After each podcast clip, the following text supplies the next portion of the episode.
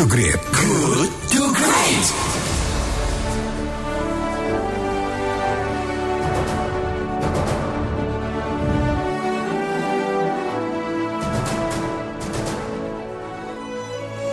Sahabat Kelet, berkembangnya kapitalisasi atas sumber daya alam di masa industrialisasi ini telah mengubah lingkungan alam dan menjadikannya alam buatan manusia. Pembangunan saat ini berorientasi pada narasi antroposentris, di mana manusia menganggap makhluk paling berkuasa dan merupakan hal yang paling penting di alam semesta, tanpa memperdulikan keseimbangan ekosistem alam beserta kehidupan flora dan fauna. Nah, seorang guru SDN 215 Ranca Sagatan Kota Bandung nih sahabat kelet bernama Bapak Ujang Safaat melihat dengan prihatin bagaimana lahan sawah telah beralih fungsi menjadi lahan-lahan beton, kemudian area persawahan yang menjadi habitat burung blekok dan kuntul ketika kotorannya um, sebagai penyubur tanah, kemudian juga kehadirannya menjadi penanda alam bergantinya musim. Namun saat ini kehadiran burung-burung tersebut sudah terusir oleh pembangunan dan sosok seorang Ujang Safaat pun terpanggil untuk menjaga habitat burung belekok ini di tengah himpitan pembangunan manusia. Nah sahabat kelet kita akan simak obrolan kami dengan Bapak Ujang Safaat, penjaga ekosistem burung belekok dan kuntul dari Kampung Ranca Bayawak Gedebage, Kota Bandung, Jawa Barat.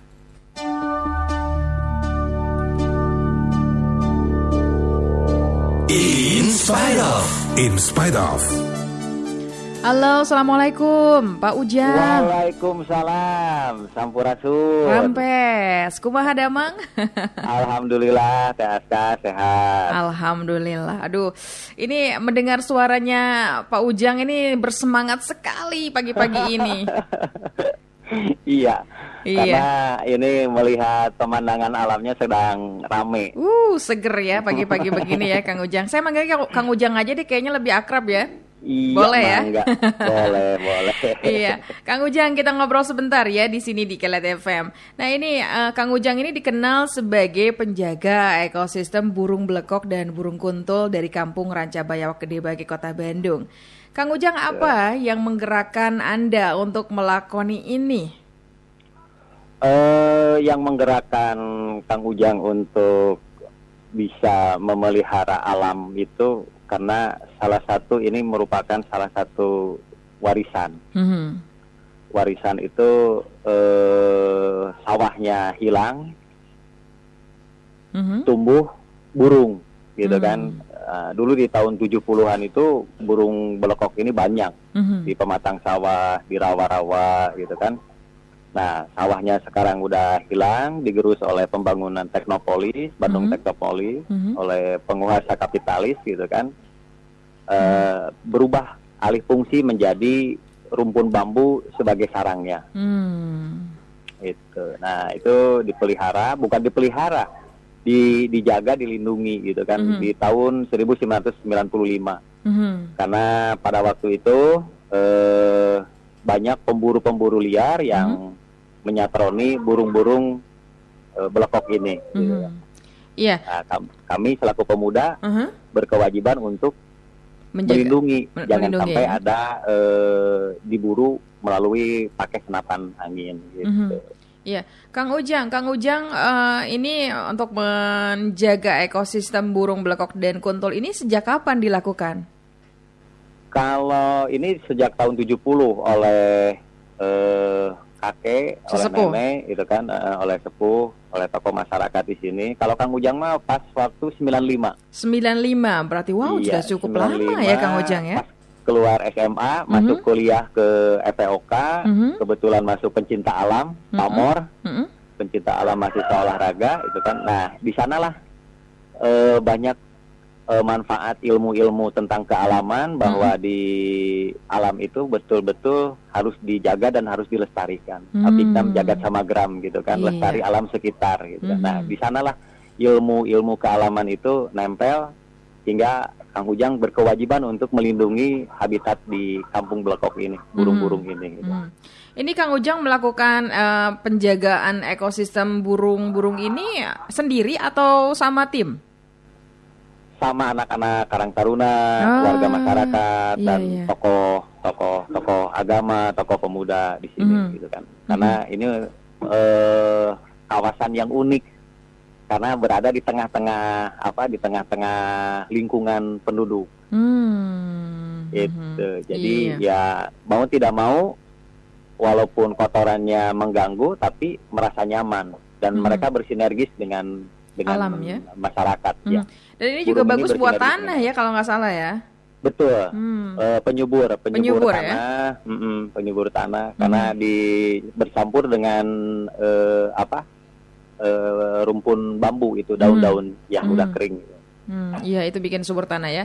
Kang Ujang, Betul. ini bentuk burung kuntul sama blekok dan keunikannya apa sih dibandingkan burung lainnya?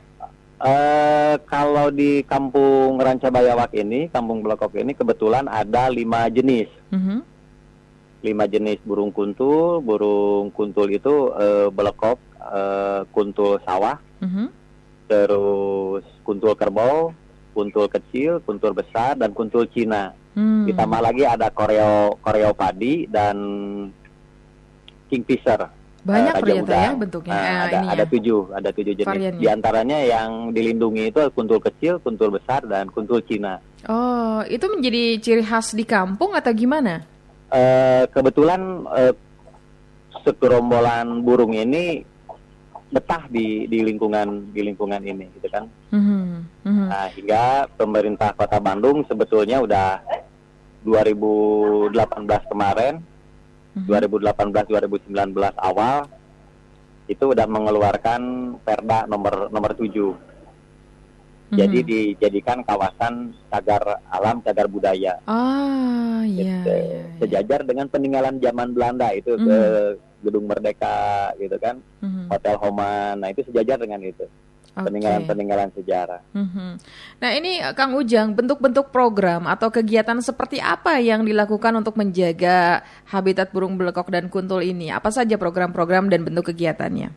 Program-program di sini ada latihan tari belekok, Mhm. terus eh, kebudayaan tradisional di sini di- digelar dan dijadikan sebuah edukasi wisata Mhm.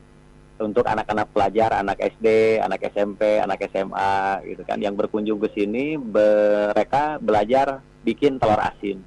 Oh, Oke, Nah, banyak ba- juga ya. eh, ya telur asin terus sambil melihat eh, alam Mhm. gitu kan pengamatan anak-anak SD kan anak-anak SMP, anak-anak SMA melalui pelajaran PLH Mhm. pendidikan lingkungan hidup. Oke, di situ disisipkan ya.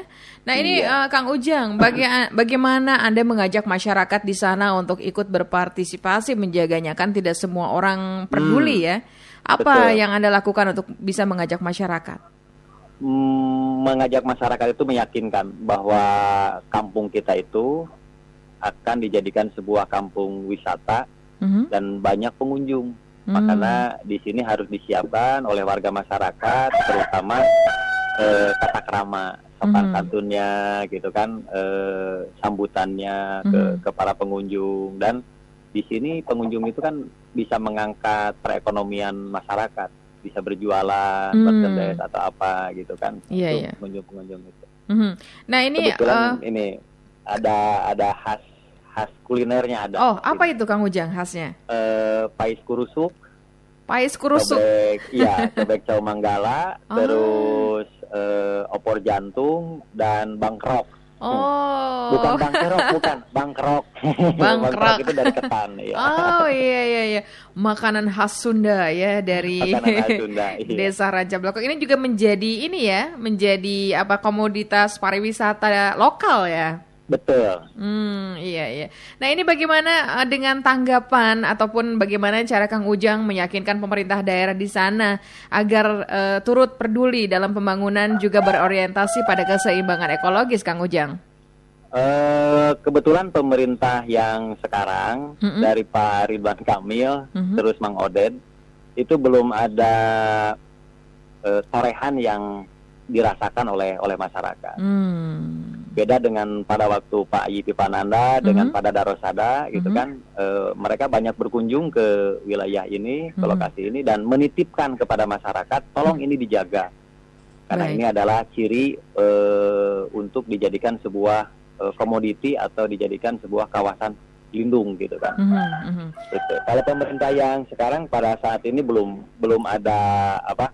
Belum ada kunjungan. Iya, mudah-mudahan Pak Ridwan Kamil sama Mang Odin juga mendengarkan ini menjadi Betul. evaluasi kita bersama ya, karena ini Betul. juga eh, apa ya menjadi hal yang penting juga untuk menjaga keseimbangan ekologis dan menjaga komoditas eh, untuk eh, bisnis eh, masyarakat sekitar ya, maksudnya Betul. untuk untuk eh, meningkatkan taraf perekonomian juga ya, Kang Ujang ya. Iya. Perekonomian, terus edukasi untuk pendidikan juga Mm-mm. gitu kan. Iya, iya. Karena di sini memerlukan eh, jalan, fasilitas jalan dan eh, itu apa tanda penunjuk arah. Mhm. Baik, nah, baik. dari bypass itu kan harusnya di udah udah udah 100 km misalkan atau satu kilometer ke Mhm. Kampung Blekok. Nah, itu ada ada penunjuk arah untuk Mhm. untuk mengarahkan ke sana. biar Seperti di diketahui Bali lah ya, gitu. Biar diketahui diketahui. oleh masyarakat Betul. luas ya bahwa Bandung punya eh, sebuah kampung yang memang ini bisa menjadi cagar alam dan bisa Cagar dikunjungi ya Betul, oleh masyarakat betul. sekitar. Ya, yang terakhir ini Kang Ujang, ke depannya Hmm. apa nih harapan-harapan Kang Ujang dan warga desa eh, dengan apa yang sudah anda lakukan sekarang dan bagaimana harapan anda ke depannya? Harapan Kang Ujang itu di sini jangan sampai hilang tatanan lemburna. Hmm. Nah, tatanan lembur itu di antaranya sawahnya udah hilang, tapi perkebunan melalui urban farming, Mhm. terus eh, perikanan dan peternakan masih bisa diberdayakan. Dan harapan kami ke Pak Ridwan Kamil, Gubernur Jawa Barat, Bang Oded selaku Wali Kota Bandung, diharapkan ada hutan lindung, Mhm. hutan lindung yang ada di kawasan Bandung. Jadi eh, alamnya tetap ada, lestari dan habitatnya juga tetap terjaga. Baik. Itu harapan kami di di di sisi pembangunan Teknopolis ini Mhm. Kota Bandung harus berani eh, membuat sebuah kawasan untuk hutan lindung. Baik, baik, Gitu. baik. Kawasan hutan lindung itu perlu untuk untuk penghijauan, Mhm. untuk oksigen Mhm. dan lain sebagainya. Nah, itu jadi jangan sampai pemerintah kalah oleh pengembang, Baik, tapi iya. pengembang harus diatur oleh pemerintah Luar biasa. supaya sinergis dengan masyarakat. Itu harapan harapan Mang Ujang yang belum tercapai itu. Iya. Mudah-mudahan Pak Oded bisa Mudah-mudahan mendengar dan ya. Pak Ridwan Kamil bisa mengakomodir. Iya baik, Kang Ujang terima kasih banyak sudah ngobrol bersama Sama-sama. dengan kami. Mudah-mudahan ini juga menambah eh, apa ya pengalaman kami, pengetahuan kami bersama dengan Iya. anda ya. Baik Kang Ujang. berkunjung ke Bandung. ke Insya Allah, Cilacap. Insya Allah mudah-mudahan berjodoh nanti main ke situ ya. Siap, siap, siap. Iya. Kang Ujang terima kasih. Assalamualaikum. Wilujeng Enjing. Waalaikumsalam. Ya, sahabat, kalian demikian perbincangan kita bersama dengan Kang Ujang Safaat, seorang guru SDN 215 Ranca Sagatan Kota Bandung, yang juga ia merupakan sang penjaga ekosistem burung belekok dan kuntul dari kampung Ranca Bayawa Kedebage, Kota Bandung, Jawa Barat.